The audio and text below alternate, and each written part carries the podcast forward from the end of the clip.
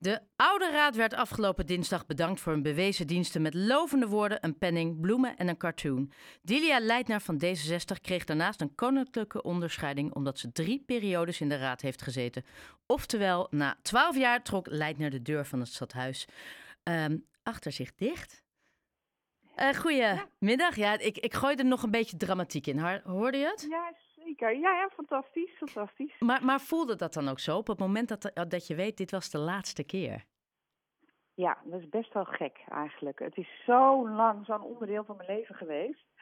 En vanavond heb ik ineens uh, geen vergadering meer. Uh, gisteravond uh, heb ik eventjes mijn gezicht laten zien bij de installatie van de nieuwe raad. Ja, dan zit je er zelf niet meer tussen. Terwijl het zo'n ja, zo gewoon was geworden. Zo vanzelfsprekend. En dat is het niet. En dat is maar goed ook. Ja. En, en uh, nou, nou uh, dinsdag hè, werd, werd de afscheid van jullie genomen. Dus en van degene die zelf ervoor hadden gekozen, maar ook degene die niet meer herkozen waren. Jij kreeg daarnaast dus een koninklijke onderscheiding. Um, was je volledig overrompeld of wist je dat je het eraan zat te komen? Of... Ja, al jaren. Je, uh, we weten dat als je drie periodes in de raad hebt gezeten, dat je dat je recht hebt op een lintje. Dat je een lintje krijgt, dus ik wist het. Maar dan nog, op het moment dat dat dan wordt uitgerekend, uitgereikt, overspoeld door emoties of... Nou ja, de, nou ja ik, ik vond het veel leuker dan ik van tevoren had gedacht. En dat is denk ik op de foto's ook wel aan mijn gezicht te zien eigenlijk. Uh, mensen zeiden ook, oh, je stond te stralen. Ik dacht, ja, je doet het er niet voor natuurlijk. Je doet het om andere, andere redenen. In ieder geval word ik wel uh, actief in de raad. Maar als je dan komt, dan, ja, het heeft toch wel wat. Het heeft ja. toch wel wat. Ja, en, en het was voor jou een bewuste keuze om na twaalf jaar je niet meer verkiesbaar te stellen.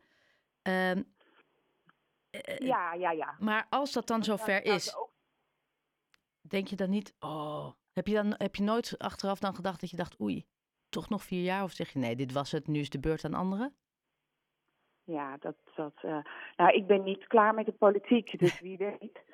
Uh, maar na twaalf jaar in de raad, ik ben ook nog vier jaar uh, daarvoor ben ik uh, schaduwraadslid, dat heet een commissielid geweest. Ik heb twee campagnes gedraaid, dus Weet je wel, ik heb alles gedaan. Uh, ik heb vertrouwenscommissies, precies. Weet je, ik heb alles kunnen doen wat je daar kunt doen. En dan, dan, dan komen op een gegeven moment dingen ook terug. Ja. en als ze jou nou vragen voor wethouder? als jij nou wordt gevraagd voor wethouder, wat zeg je dan? Dan, dan, kijk ik even natuurlijk naar wat de portefeuille is en wat de uitdagingen zijn en welke afspraken er zijn gemaakt. Maar uh, ik zou zeer vereerd zijn. Ja, want dat, dat is nog iets waarvan je zegt, nou als, dan zou ik dat heel graag willen. En heb je dan een voorkeur voor portefeuilles waarvan jij denkt, nou daar kan ik het verschil in maken of daar wil ik mijn hart voor maken? Nee, dat, dat, en dat moet ik ook niet zeggen, want dat... Uh, dat je mag alles zeggen, hè? dat weet je. Ja, maar nee, nee, ik vind als, als je als politicus, dan moet je, moet je openstaan uh, en in staat zijn breed palet, breed inzetbaar te zijn. Ja, en, dat, nou, dat is, dat is heel mooi, want er komt natuurlijk enorm veel, uh, zeker nu, uh, nou, op het bord van de uh, gemeenteraad. Um, ja. Twaalf jaar raad, en dan is dit natuurlijk een zeer voor de hand liggende vraag. Maar wat waren de hoogte- en dieptepunten in die twaalf jaar? Nou, misschien wel dezelfde. Nou, wat, kijk, wat ik eigenlijk wel bijzonder vond om te ontdekken, is dat ik daardoor ook kwaliteiten aan mezelf, in mezelf heb ontdekt omdat je voor situaties komt te staan die ik in mijn werk gewoon niet zo gauw tegenkom. Omdat mensen zich op een manier gedragen, mensen op bepaalde manieren doen zoals ik dat op mijn werk ook niet zo snel tegenkom. Dus zoals het in de politiek af en toe heel heftig aan toe kan gaan, uh, en dat zou je een dieptepunt kunnen noemen, ja. uh, ontdekte ik daarbij, en dat is dan mijn hoogtepunt ook, ja, uh, hoe ik daarmee omging. En nou ja, dat ik daar ook wel kwaliteiten in had. Hoe, hoe ging je daar dan mee om? Op die manier. Nou, dat ik, dat ik heel. Dat ik stressbestendig ben, dat ik rustig blijf, dat ik heel veel contact met mensen zoek, dat ik echt iedereen probeerde bij te houden. Uh, heel snel uh, uit uh, hele complexe materie, snel de hoofdlijnen eruit halen. Dat ik snap wat, hoe je richting moet geven, waar het heen moet. ja, het klinkt al dat klein allemaal over jezelf te zeggen. Maar ehm, Nou, volgens mij zijn dat, dat... allemaal onder hoge politieke druk had ik dat op mijn, op mijn werk eh, niet zo snel ontdekt. Dat ik eh, richtinggevende en zo stressbestendig ben en, en Maar dat zijn toch ook juist... Dat zijn toch ook juist eigenschappen die je nodig hebt. Zeker nu we met 15 partijen het moeten gaan rooien. Ja, zeker. Zeker. Ja. Dus En, en heb je dan één kwestie waarvan je echt naar terugkijkt en denkt... dat hebben wij toen als raad goed aangepakt? Eh, oh, dat vind ik, dat vind ik zo even lastig om daar één dingetje uit te halen. Ik denk dat we heel veel dingen goed aangepakt hebben. Ik denk dat we met name de bezuinigingen, dat was in 2000, lang geleden, is dat 2014 of zo, net terug, 13.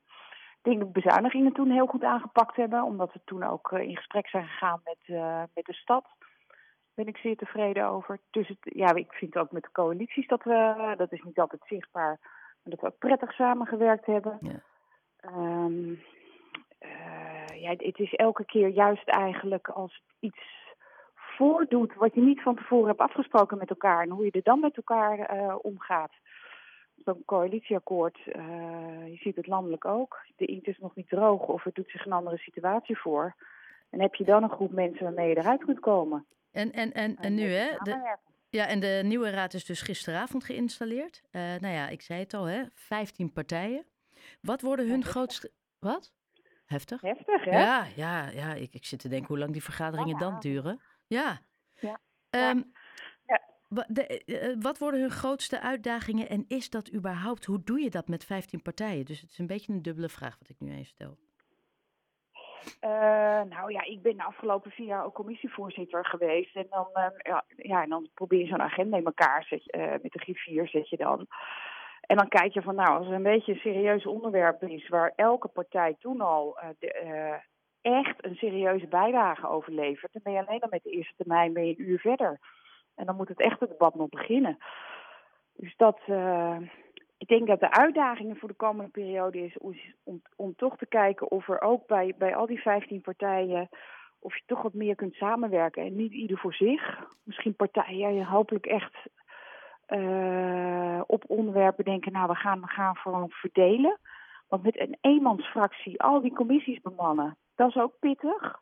Of het betekent Ja. dat je heel veel eh, commissieleden erbij moet nemen. Dus misschien, eh, nou dat zou mijn oproep wel zijn, probeer de krachten te bundelen.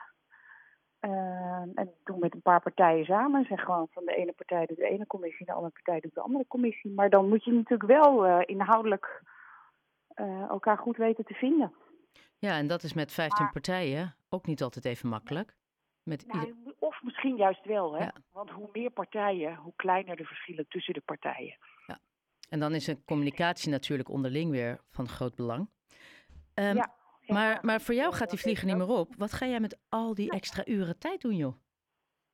Een beetje aan mijn, eh, aan mijn well-being eh, werken, denk ik. Beetje sporten, beetje aandacht aan mijn gezin. En met name mijn man. is ook wel essentieel. Dat is ook wel ja, die is 12 jaar lang. Elke donderdag eh, moest hij op de kinderen passen. Ja, zeker. Nou, inmiddels is het zo groot dat ze het ook zelf kunnen. Maar eh, ja, dat heeft hij jarenlang gedaan. Oh. Dus ik ben hem veel dank verschuldigd. Ja. Dus, eh, ik zou, Te, ja, be- te beginnen met een etentje vanavond. Ja, Ja. en- En dan, en Ja. dan nu is dus eh, D66 is de tweede grootste partij. Dus de kans dat jullie een wethouder mogen leveren is heel groot. Ja. Ja. Wat, jij hoopt dus op dat belletje. Een beetje. ja. Ja, mag ja zeggen. Laat jij mij weten als jij dat belletje Het ontvangt? bloed kruipt waar het niet gaan kan. Nou, je zei, omdat je al aan het begin zei van ik, ik, ik, ik keer de politiek de rug niet toe. Nou, dan is wethouder zijn een, een logisch, misschien een logische stap. Of landelijk, is dat iets wat je ambieert? Nee, daar, daar, daar ligt mijn ambitie eigenlijk nog niet. eh. ik Nee. heb echt wel mijn hart verkocht hier, hier Aan in Haarlem. het lokale en naar Haarlem. Nou, ik wens je heel succes. Hou me even op de hoogte en geniet van je, van je eerste vrije donderdagavond in 12 jaar. Ja, gaat helemaal lukken. Leuk dat je belde. Ja, dankjewel. Dag Dilia Leitner. Dankjewel.